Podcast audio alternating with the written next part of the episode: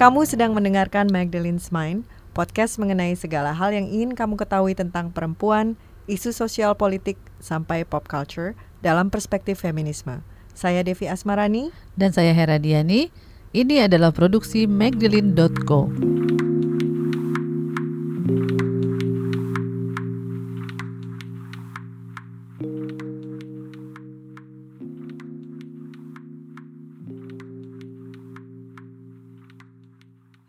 Feministas, balik lagi bersama kami di Magdalene's Mind. Pertama-tama kami ingin mengucapkan duka cita yang mendalam atas meninggalnya peserta aksi demonstrasi selama dua pekan belakangan ini dan juga mereka yang menjadi korban dalam konflik dengan aparat. Iya Dev, dua minggu ini kan berbagai lapisan masyarakat turun ke jalan tuh uh, apa untuk menyampaikan sejumlah tuntutan, termasuk beberapa rancangan undang-undang yang bermasalah. Uh, selain itu juga menyoroti krisis di Papua dan kebakaran hutan di Kalimantan. Dan ini cukup mengejutkan ya karena uh, untuk pertama kalinya sejak tahun 98 uh, uh, protes mahasiswa sampai skalanya sebesar Mm-mm. ini. Bahkan juga sampai membawa pelajar pelajar SMA ya dan Mm-mm. SMK untuk turun ke jalan. STM juga. Mm-mm, STM. Surprisingly mereka uh, juga tahu isu-isunya Mm-mm. gitu. Jadi nggak bukan hanya ikut-ikutan aja. Ya ini cukup membuat gua berbesar hati sih karena impresi kita kan selama ini bahwa apa milenial atau Gen Z itu apolitis, acuh tak acuh, tapi nggak ternyata nggak nggak seperti itu gitu. Cuma sayangnya ketika di lapangan juga banyak terjadi konflik ya, terutama uh, tindakan aparat yang terlalu apa represif dalam Mm-mm. mengamankan uh, jalannya protes itu. Bahkan uh, yang yang juga kami sesalkan ya Mm-mm. uh, banyak masyarakat sipil termasuk teman-teman kita juga ya Mm-mm. yang menyalahkan para pendemo katanya Mm-mm. ya salah sendiri mereka ngerusak eh, bikin nggak aman ujung-ujungnya rusuh terus ada juga yang bilang bahwa inilah kenapa perlunya dialog daripada Mm-mm. turun ke jalan mendingan kita dialog aja kalau gini kan semua orang rugi rakyat cemas ekonomi tersendat gitu Nah, iya benar tuh. Itu juga yang jadi perhatian gue sih Dev karena gue pribadi sih udah nggak yakin ya apakah dialog ini bakal efektif. Buktinya ibu-ibu peserta demo Kamisan itu udah Hmm. eh, apa demo secara damai, tapi udah du- 600 minggu berarti sekitar 11 tahunan itu nggak Mm-mm. digubris gitu. Mm-mm. Jadi apakah memang jalan keluarnya demonstrasi eh, atau memang masih bisa dialog? Gimana sih cara kita make sense of this student plot ini? Nah, untuk itu kita akan membahas isu ini bersama narasumber kita, Direktur Pusat Studi Kajian Hukum, yaitu eh, Gita Putri Damayana. Gita ini sudah berkarir di PSHK sejak tahun 99. Dia punya gelar Magister Hukum dalam program Sustainable International Development dari University of Washington di Seattle, Amerika Serikat. Oke, jangan ke mana-mana ya, feministas. Kita kembali setelah yang satu ini.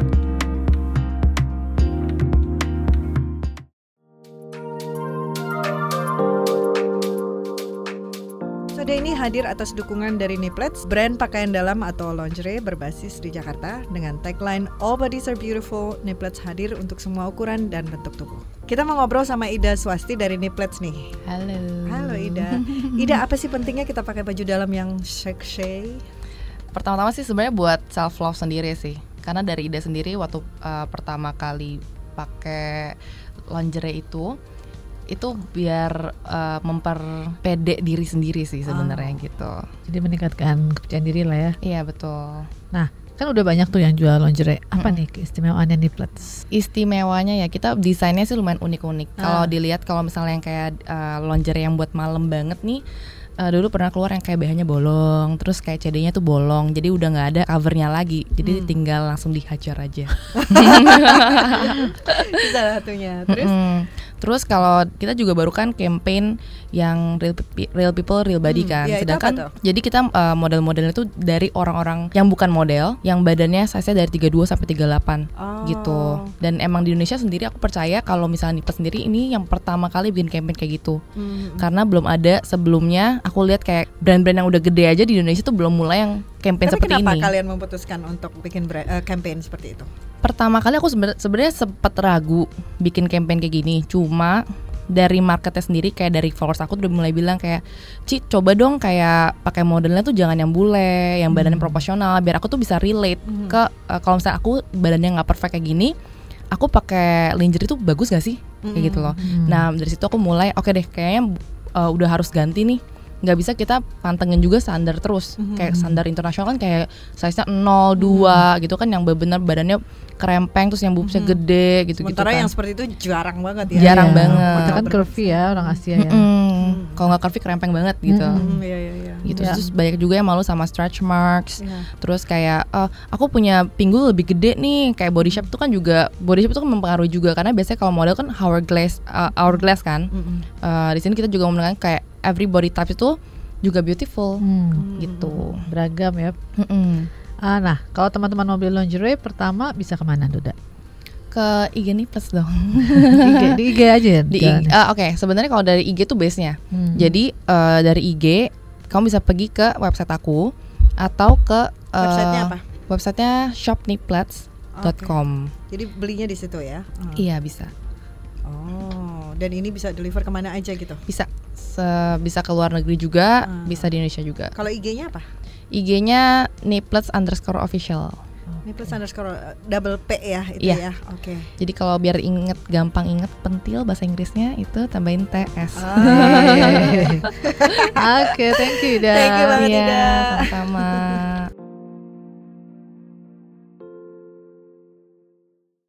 Balik lagi bersama kami di Magdalene's Mind. Kali ini kita sudah bersama Dama Gita di studio. Halo Gita, makasih udah datang kemari. Halo Hera.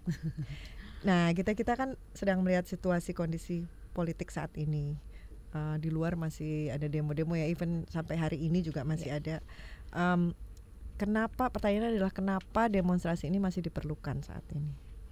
Hmm, ini per- apa namanya eh, pertanyaannya eh, selalu keluar ya. Hmm. Apa namanya dan selalu bergerak gitu dari minggu lalu sampai minggu dari dari minggu lalu sampai minggu ini.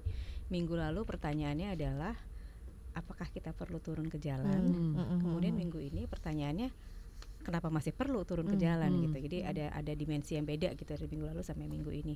Kalau dari Eh, eh, sorry, terutama karena kemarin baru di, udah dilantik kan DPR baru betul, kan ya. betul, Hmm, betul, oke. betul. Dan juga eh, karena beberapa tuntutannya mahasiswa gitu ya dan Mm. eh, publik itu sudah sebetulnya sedikit banyak itu sudah ada responnya Ya, Mm-mm. betul. gitu. Nah kalau misalnya ditanya eh, kenapa Mhm. dilakukan, kenapa Mm-mm. demonya demo gitu, itu kalau kita lihat itu kan ada ada ada tujuh desakan ya tujuh tuntutannya yang Mhm. yang kurang lebih sama sebetulnya yang di Jakarta dan di eh, berbagai kota lainnya gitu. Malah duluan itu sebetulnya di eh, berbagai kota di hari Senin minggu lalu tanggal 23 tuh. Apa namanya? Di Jakarta juga udah mulai tapi panasnya meledaknya tuh bukan nggak meledak ya, apa namanya, ramainya tuh di Jakarta tuh kan minggu lalu ya hari hari Selasa gitu. Mhm. Poin-poin eh, kenapa harus turunnya itu udah ada sebetulnya ya. Demo Devi dan Hera pasti udah pernah lihat itu Mhm. ininya yang tujuh desakan Tapi mungkin itu. dis- disebut aja sekarang. Iya disebut aja. Ini Mhm. dan ini saya, ini bu- buras berusaha banget nggak ngomong kayak bacain pamflet ya, Iya. tapi kurang lebih seperti ini karena Iya, biar iya.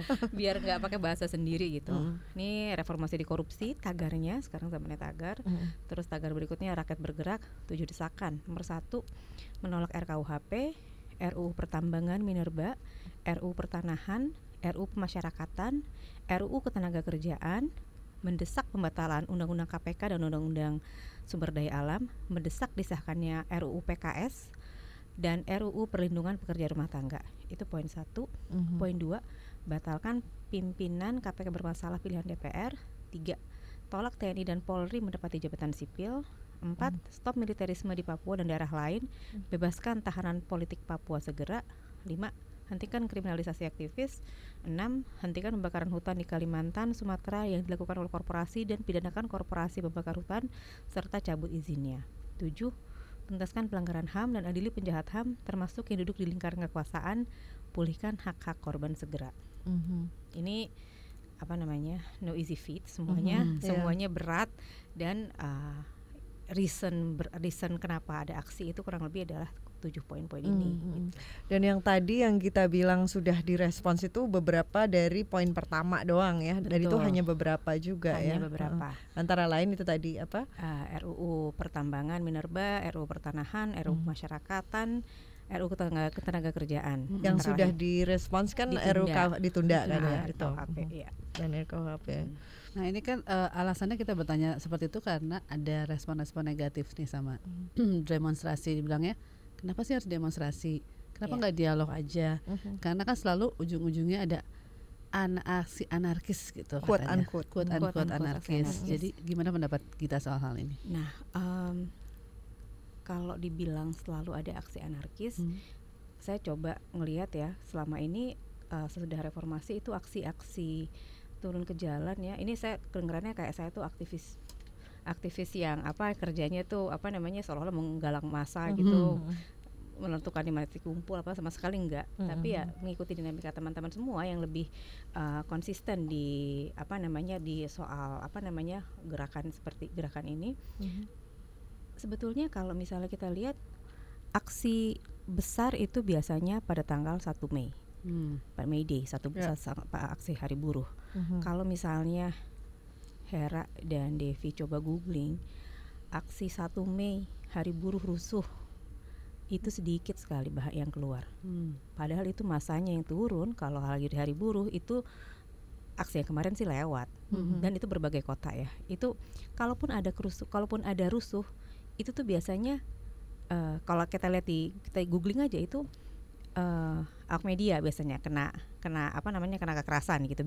Bukan berarti itu benar tapi dimensinya seperti itu gitu. Jadi sebetulnya kalau misalnya aksinya itu dikasih ruang, dikasih apa namanya dikasih medan gitu tertib biasanya tidak ada aksi, aksi anarkis itu kalau kita belajar dari uh, aksi buruh dan aksi lain yang sudah bertahun-tahun dan selalu damai tanpa respon itu di depan mata kita semua aksi Hmm. kamisan Mhm. beberapa mi- beberapa minggu lalu tuh memperingati 600 Minggu hari ya. 600 minggu aksi kamisan itu Hmm. aksi damai tidak pernah ada kekerasan sama sekali tapi tidak pernah ditemui juga Mhm. Mungkin untuk mereka yang nggak tahu apa itu aksi kamisan. Aksi kamisan itu adalah uh, aksi dari uh, keluarga korban pelanggar HAM berat dan ini lintas uh, lintas isu dari mulai aksi Talang Sari tahun 80-an dari uh, peristiwa 65 kemudian uh, Tanjung Priok sampai uh, penghilangan paksa di tahun 98 sampai uh, uh, Trisakti Semanggi. Mhm.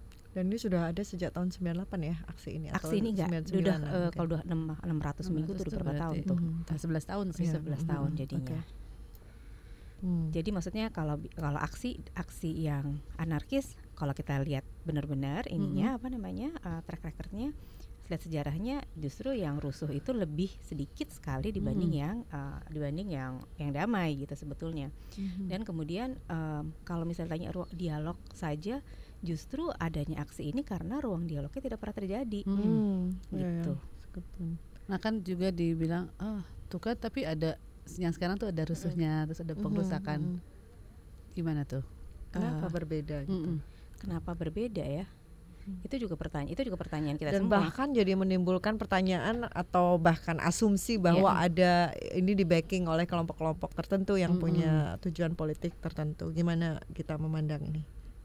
Kalau saya melihatnya sebuah aksi itu justru saling menunggangi sebetulnya. Hmm. nggak pernah ada aksi yang tidak ada tidak ada yang bersih sama sekali dari uh, tujuan politis. Ya. Justru Hmm. tujuan aksi itu kan sendiri kan tekanan politis sebetulnya Betul. kepada penu- pada pe- apa pengambil keputusan gitu. Mhm. Kalau ada pihak yang tidak memanfaatkan aksi ini untuk tujuannya mereka, justru pihak tersebut yang keliru, yang yang salah menurut Hmm. saya gitu. Hmm. Nah sekarang gimana caranya uh, orang-orang yang bisa me- apa namanya individu bukan individu ya kelompok-kelompok yang bisa memainkan narasi ini untuk menjaga apa namanya agar isunya itu bisa tetap terkawal dengan rapi.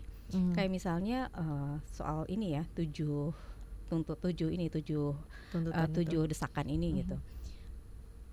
Setahu saya itu di aksi tanggal 24 dan tanggal dan kemarin juga gitu 23 24 dan 30 kemarin itu tuh jelas sekali eh, ada koordinasi. Saya nggak nggak- bukan komando ya kata yang tepat tapi Mhm. ada koordinasi bahwa kalau kita mau eh, ramai di sosmed, mau kita gaungkan isu ini di sosmed, itu tagarnya itu ya reformasi di korupsi, Mhm. hidup mahasiswa, eh, rakyat bergerak, Hmm. kejayaan memanggil isu-isu yang isu-isu poli bukan ini bukan sama bukan berarti ini bukan isu politis tapi Mhm. isu berupa perpindah memindahkan kekuasaan Hmm.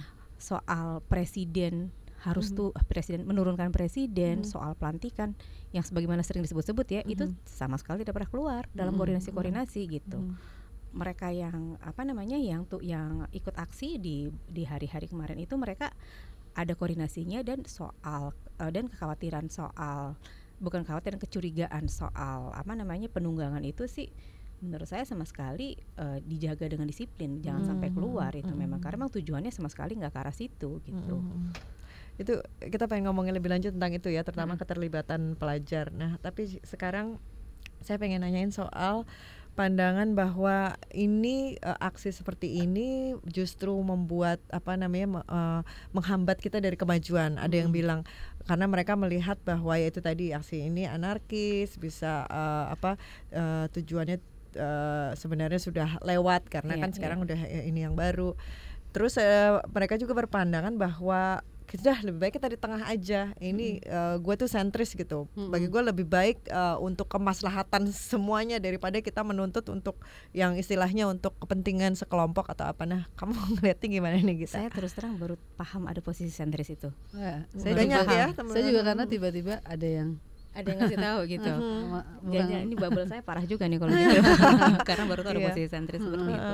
Makanya jadi sebenarnya jadi balik pengen tahu ketika kamu Mhm. posisi sentris untuk kemaslahatan umat itu sebetulnya apa? Hmm. Mm-mm. dan gini misalnya saya cuma ambil contoh misalnya gini waktu ketika kita balik ke mengenai revisi undang-undang KPK saya paham bahwa tidak semua bahkan tidak semua sarjana hukum tidak semua mahasiswa fakultas hukum yang punya energi untuk mau baca undang-undang KPK yang baru dan undang-undang KPK yang lama nggak semua orang punya ener- energi kayak gitu tapi ketika kita mulai bicara di media mulai bicara kepada ke orang kita setuju atau tidak setuju akan revisi undang-undang KPK sebetulnya kita tahu apa nggak apa yang kita sampaikan Hmm. Kemudian ketika orang bilang, ya saya setuju revisi eh, undang-undang KPK selama untuk eh, tid- selama tidak melemahkan KPK.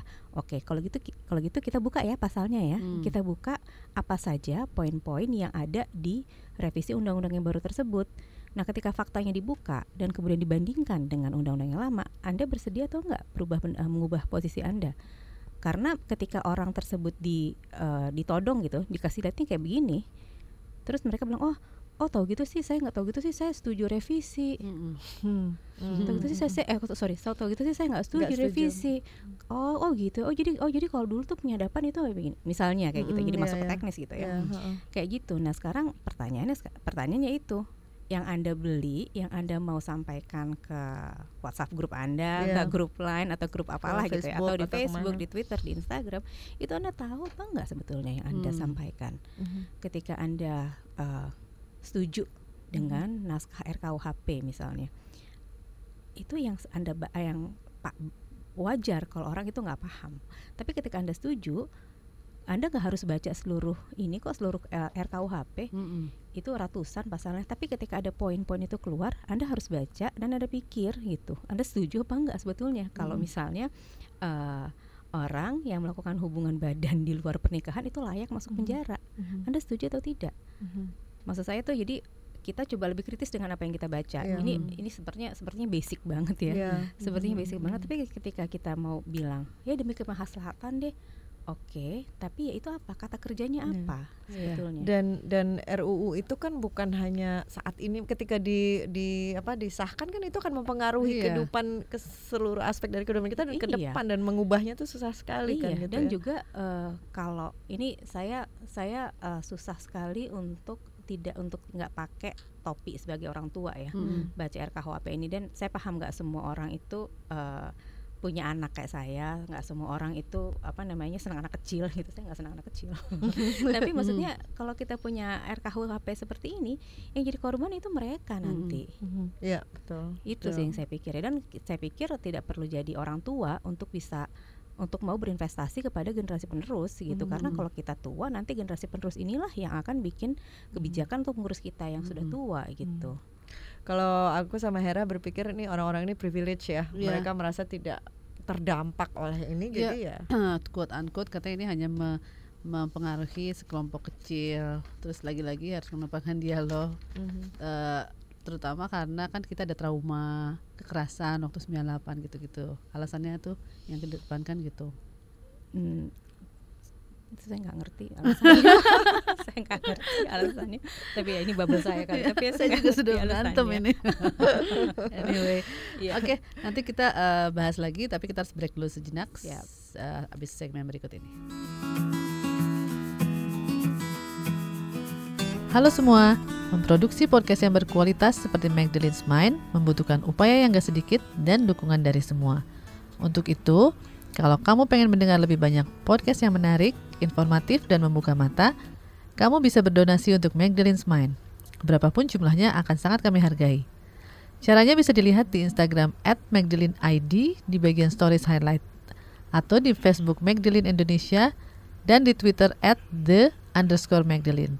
Magdalene's Mind adalah produksi media independen magdalene.co. Oke, feministas balik lagi di Magdalene's Mind bersama Gita dari PSHK. Di segmen ini kita ingin ngomongin tentang aksi mahasiswa, aksi yang melibatkan mahasiswa dan pelajar ya. Dan yang kemarin yang membuat sejumlah pihak terkejut itu juga karena ada keterlibatan itu tadi ya pelajar mm -hmm. SMA bahkan STM uh, yang akhirnya menimbulkan uh, dugaan bahwa uh, banyak aksi ini disetir oleh kelompok tertentu. Um, gimana sih sebenarnya bahkan oke okay, sebelum masuk itu bahkan ini sering sekali narasi yang didengungkan mm. saat ini baik di media maupun di sosial media biasa gitu ya ya bahwa kenapa sih pelajar turun ke jalan mm. gitu kan mereka harusnya belajar, belajar gitu kan. Ini kan ini namanya pelanggaran apa mereka harusnya dilindungi segala mm. macam uh, yang lucunya orang yang sama memuji Greta, Greta Thunberg, dan saya hampir arahnya ke sana. Jadi udah karena di jalan jadi bakal ke sana juga. Nah ya gimana menurut kamu tentang ini? Gimana kita menyikapi ini?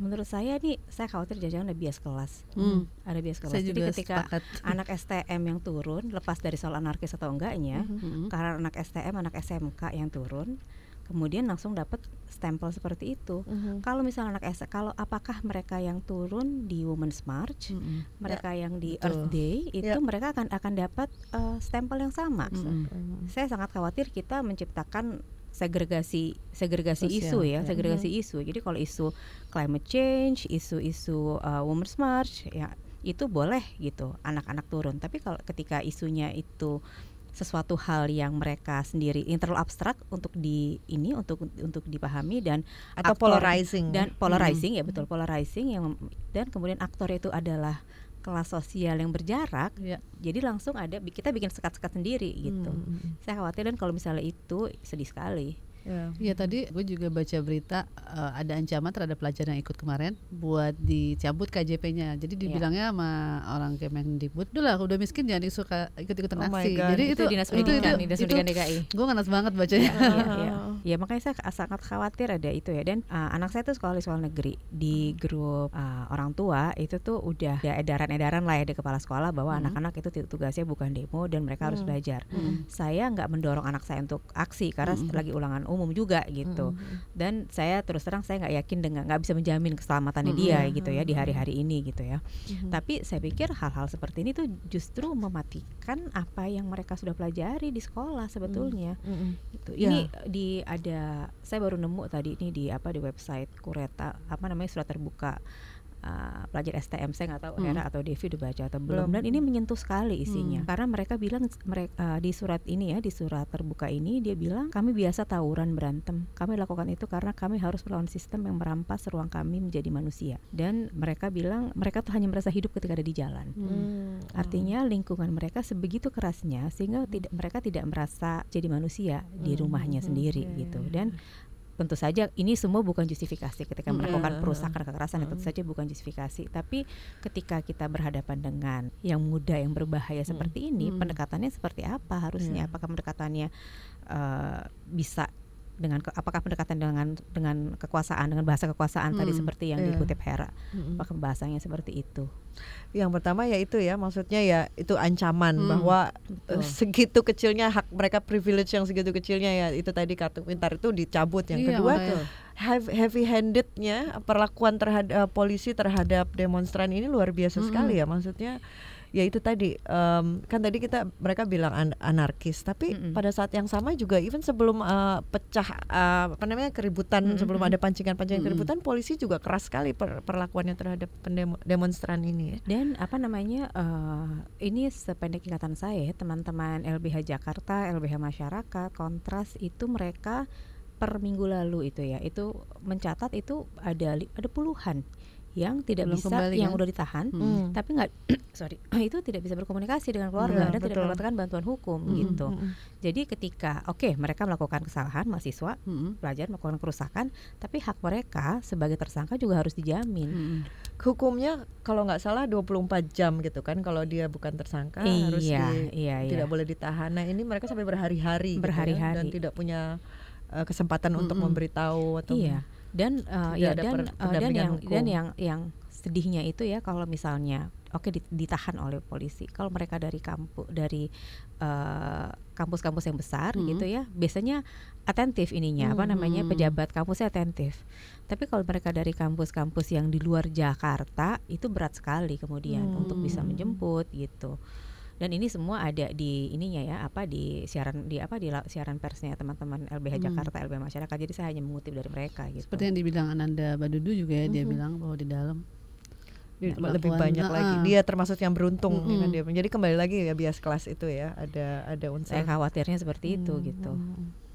Oke, em, dari tadi tujuh tuntutan yang dibacakan oleh Gita yang Hmm. menjadi sorotan kan RKUHP. Banyak pasal-pasal yang dibilang ngawur, ada yang katanya copy paste dan eh, ujung-ujungnya yang mengkhawatirkan kan mengkriminalisasi mengkriminalisasi semua orang. Nah, kalau eh, PSHK selama ini ikut memantau juga nggak perkembangan dari pembahasan RKUHP? PSHK itu ik- tergabung dalam uh, koalisinya, koalisi Hmm. besarnya PSHK tergabung ya. Tapi kalau untuk uh, memantau detail detail isu per isu itu PSHK terus terang kapasitasnya nggak di situ Mm-mm. gitu. Cuma kita memantau soal prosesnya aja. Mhm. Nah kalau uh, RKUHP sendiri ini ini barang barang barang ngeri ya RKUHP Mhm. ya. Ini- istilahnya istilah jalan ngomongnya jalan banget barang ngeri gitu. Tapi karena memang karena dimensinya se sekuat itu dan eh, keterlibatan publik dalam membahasnya gitu kalau misalnya eh, Hera sama Devi iseng-iseng coba googling gitu itu detik-detik terakhir menjelang menjelang eh, pembicaraan tingkat 2 di DPR itu rapat-rapatnya rapat-rapat panjang itu tertutup Mm-mm. Hmm. Gitu dan apa namanya eh, Apakah boleh itu eh, memang atau apa waj- common atau enggak itu? Lazim pada atau enggak? prinsipnya itu pembahasan undang-undang itu dila- eh, prinsipnya terbuka kecuali dinyatakan sebaliknya.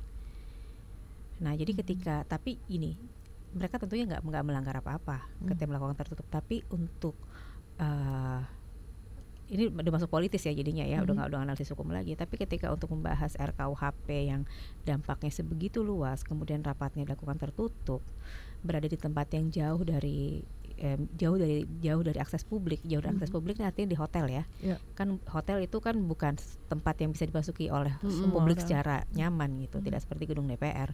Itu sulit jadinya warga publik untuk menyatakan eh, pendapatnya, Hmm. untuk bisa berkomunikasi, untuk bisa lobby, untuk bisa eh, ya mengontak wakil mereka lah di DPR itu Mhm. menimbulkan jarak, menimbulkan barrier tersendiri gitu. Hmm.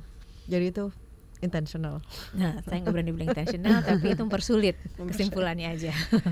Nah, terus sudah ditunda, tapi selanjutnya gimana? Selanjutnya eh, kalau sekarang nih di DPR eh, di- eh, di- kemarin baru ada undang-undang yang baru disahkan itu eh, undang-undang revisi undang-undang 12 tahun 2011 tentang pembentukan peraturan perundang-undangan.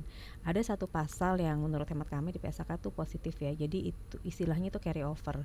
Jadi pasal ya jadi undang-undang yang sudah dilakukan pembahasan dan kemudian belum selesai bisa dilanjutkan di masa sidang berikutnya di carry over. Jadi tidak tidak eh, melanjutkan tidak memulai dari nol lagi tapi tinggal melanjutkan apa yang sudah Hmm. eh, dibahas bahayanya tentu saja ini menurut kami hemat kami ini positif ya, jadi kita nggak buang energi gitu dari awal Hmm. tapi bahayanya untuk undang-undang yang kemarin ditunda itu bisa jadi karena tahapan itu tinggal persetujuan Hmm. jangan-jangan ketika masuk masa sidang berikutnya Langsung. presid, eh, pemerin- eh, presiden diwakili oleh Menhukam bilang setuju DPR setuju di paripurna ya jadi undang-undangnya ya. Hmm.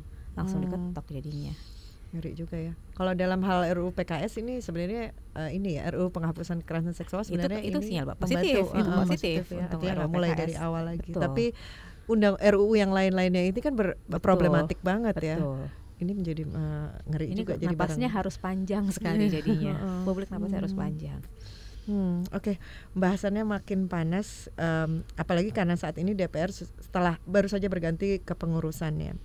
dan uh, kita akan masuki fase baru lagi. Mm. Nanti abis uh, di segmen berikutnya kita akan ngobrol lebih dalam lagi Iya. tentang uh, proses legislasi di Indonesia. Siap. Oke, Gita, Iya. em, ini kan udah lima tahun nih DPR.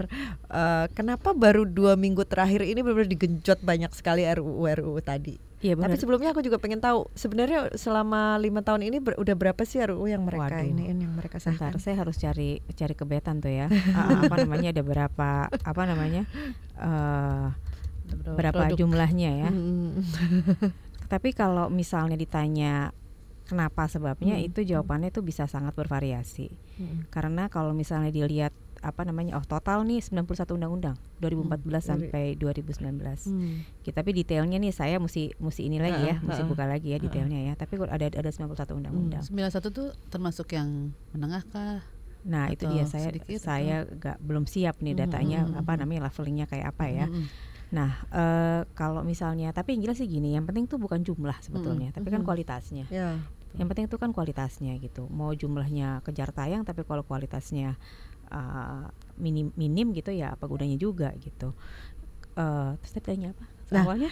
itu eh, s- sebenarnya kita juga pengen tahu mungkin banyak orang yang tidak tahu sebenarnya proses pembuatan legislasi itu seperti apa sih sebenarnya eh, yang membuat RUU itu sendiri siapa apakah pemerintah ataukah DPR juga punya inisiatif sendiri kemudian eh, ya itu apakah sebenarnya ada ruang untuk eh, konsultasi publik seperti yang harusnya ya Mm, mm. dan selama ini seperti apa itu Eh, kalau yang bikin undang-undang itu DPR dan pemerintah.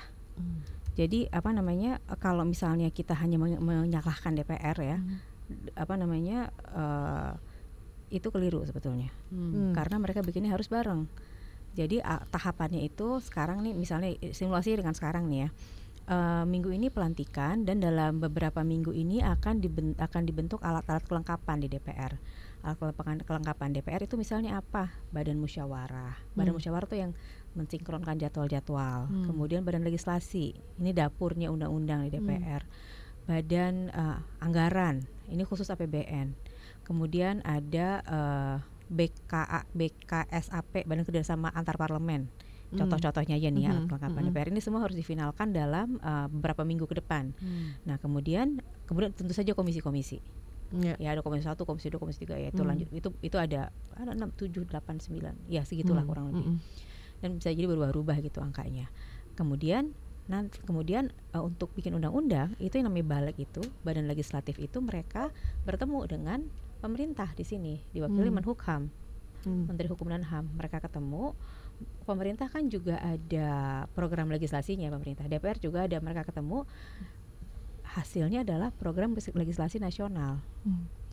Program legis- legislasi nasional ini ada yang lima tahun jangka panjang jadinya kemudian ada yang tahunan prioritas Hmm. tahunan nah soal RU revisi undang-undang KPK ini memang selalu ada dia daftar ada di, di, di daftar panjang 2014 2019 tapi di tahunan di prioritas tahunan 2019 nggak ada itu Hmm. Oh. jadi oke, kenapa kita merasa semua merasa Colongan. kecolongan Mm-mm. karena loh ini kan nggak ada Mhm. dan kalau boleh uh, Boleh berarti itu. begini boleh mengusulkan di tengah-tengah tapi ada prosesnya Hmm. dan nggak bisa itu balik langsung nyalip tengah-tengah usul di paripurna itu nggak bisa Hmm. itu melanggar tatipnya mereka sendiri Mhm. dan yang disayangkan adalah kenapa presiden kemudian merespon dengan surat presiden Hmm. Tadi tadi terpotong penjelasan yang dulu Mhm. semangat dulu dan undang-undang. Jadi ke pemerintah dan balik itu mereka bikin prolegnas lima tahunan. Kemudian dari prolegnas, prolegnas lima tahunan itu dipecah lagi mana yang menjadi prioritas per tahun tahunan. Hmm.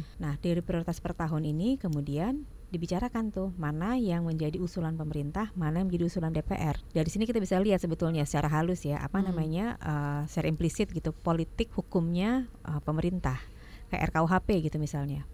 Kalau nggak salah ekonomis bilang eh, eh, usulnya RKUHP ini dari eh, DPR, padahal itu keliru, keliru sebetulnya. Hmm. Pengusul RKUHP ini pemerintah, jadi Pemerintah, inisiatifnya itu ya. ada di pemerintah Hmm. gitu. Jadi kalau kita bisa lihat sebetulnya, jadi untuk eh, tahun 2000, 2020 gitu kelak RUU apa aja yang mau dimajukan pemerintah. Ini yang merupakan yang menurut hemat kami harusnya secara implisit itu mencerminkan politik hukum uh, Mhm. pemerintah. Karena begitu mengajukan RUU, naskah akademis itu harus ada, harus siap dan draft si RUU-nya juga harus ada. Dan eh, bagaimana dengan keterlibatan publik, Publik ya. sendiri? Heeh. Keterlibatan publik itu dijamin oleh undang-undang, Mhm. dijamin oleh undang-undang dan dalam tahapan-tahapan uh, uh, penyusunan undang-undang itu RUU itu di DPR itu biasanya ada yang namanya RDPU, apa namanya rapat dengar pendapat, pendapat umum, umum. pendapat umum. Nah di situ biasanya uh, publik itu diundang biasanya, publik diundang itu undangannya sih memang nggak di, nggak ditaruh di ini ya di media massa emang nggak begitu, tapi itu ada di website DPR gitu, Hmm. bahwa ada RDPU bla bla bla bla bla. Jadi gitu. hanya benar-benar memantau aja yang, Yang tahu yang ini ya. Memang yang- mesti proaktif. ada itu. memang di- sangat diperlukan proaktifnya dari Hmm. publik dan menurut saya sih ini udah sangat kemajuan Hmm. maju banget DPR udah membuka jadwal ada draft sekarang kalau misalnya buka website DPR itu eh, naskah akademik draft RUU itu ada semua di, di ininya Hmm. website DPR ya gitu jadi ketika rame-rame RUU PKS kemarin yang ternyata orang pada eh, rame banget mengkritik gitu Mm-mm. sebetulnya mereka mengkritik draft yang mana nggak jelas juga karena mereka Mm. nggak meng- nggak mengkritik membaca. draft yang ada di uh, website DPR padahal kan harusnya itu yang menjadi rujukan Hmm. gitu. Hmm, hmm, hmm. Nah tadi eh, kita bilang ada beberapa varian jawaban Mm-mm, kenapa iya, DPR iya, ini iya. kejar tayang kemarin Mungkin itu. ya, ya. ya, ya, itu ada beberapa varian jawabannya. Kita bisa bilang ini memang DPR ada jawaban di spektrum yang bilang DPR yang memperbaiki diri, memang memperbaiki kinerja. Bisa kita mengentertain diri dengan jawaban seperti itu. gitu. Itu pilihan aja Ilusi, ya. ilusi. Tapi kalau misalnya kita mau mau ada jawab, mau ada respon yang lebih di ekstrem satunya lagi gitu, kita bisa lihat sebetulnya dari pihak yang terdampak dengan semua Hmm. RUU yang dibantah yang ditunda, yang disahkan atau dipermasalahkan oleh publik lah.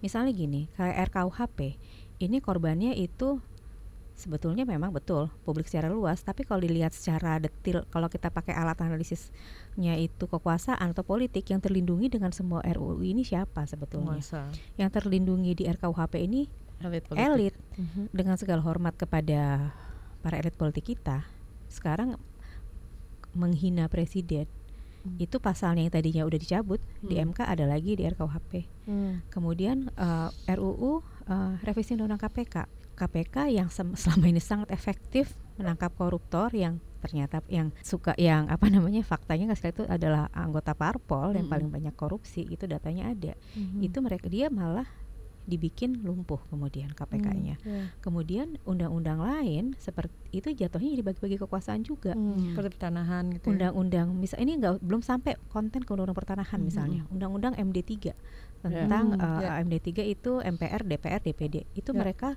jadi bagi-bagi kekuasaan.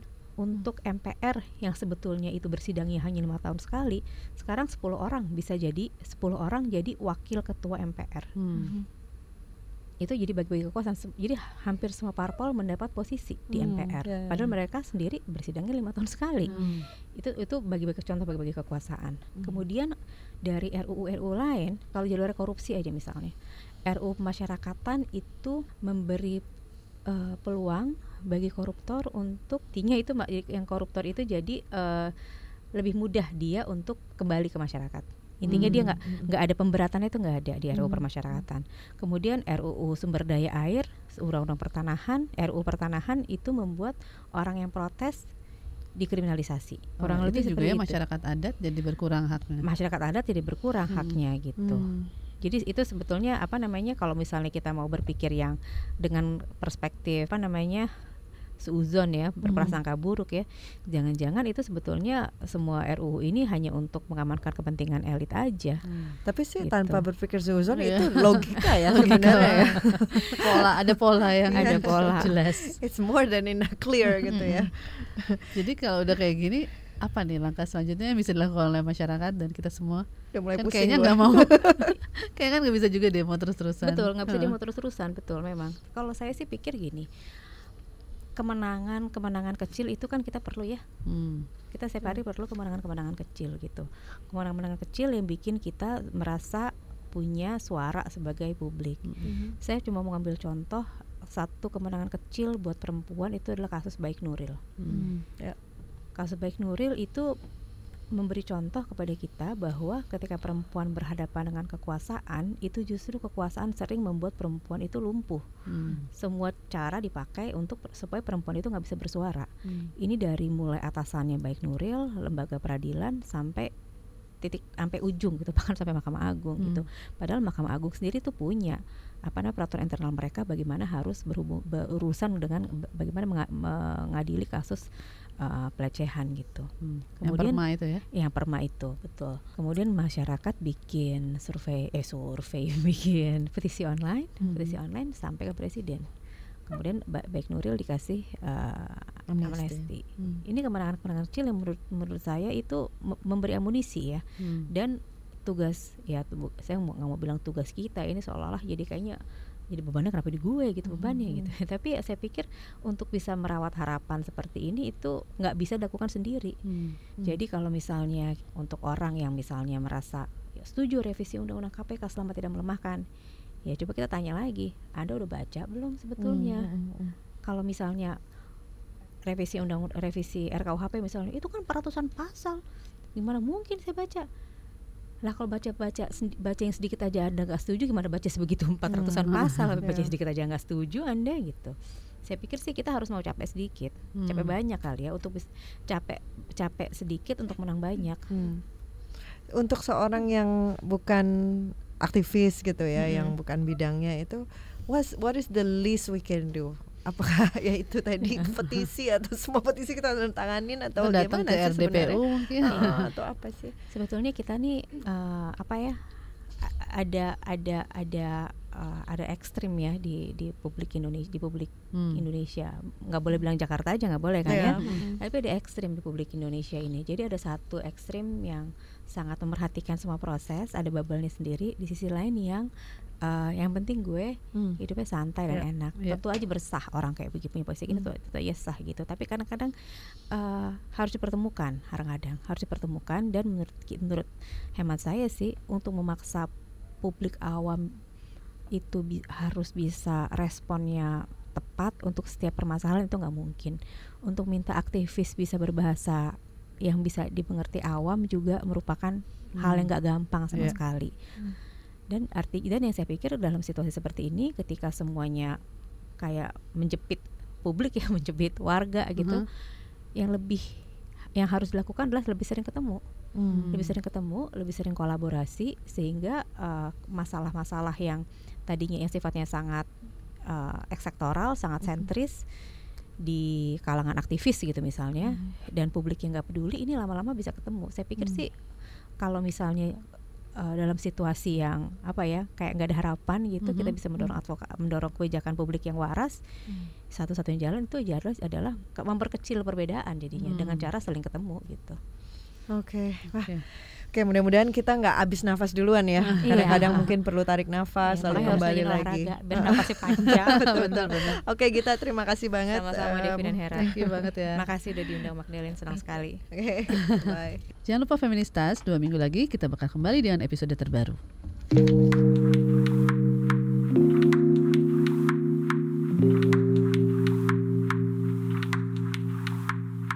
Magdalene's Mind direkam di studio kantor Berita Radio di Jakarta dan bisa didengarkan di aplikasi KBR Prime yang bisa diunduh di App Store dan Google Play.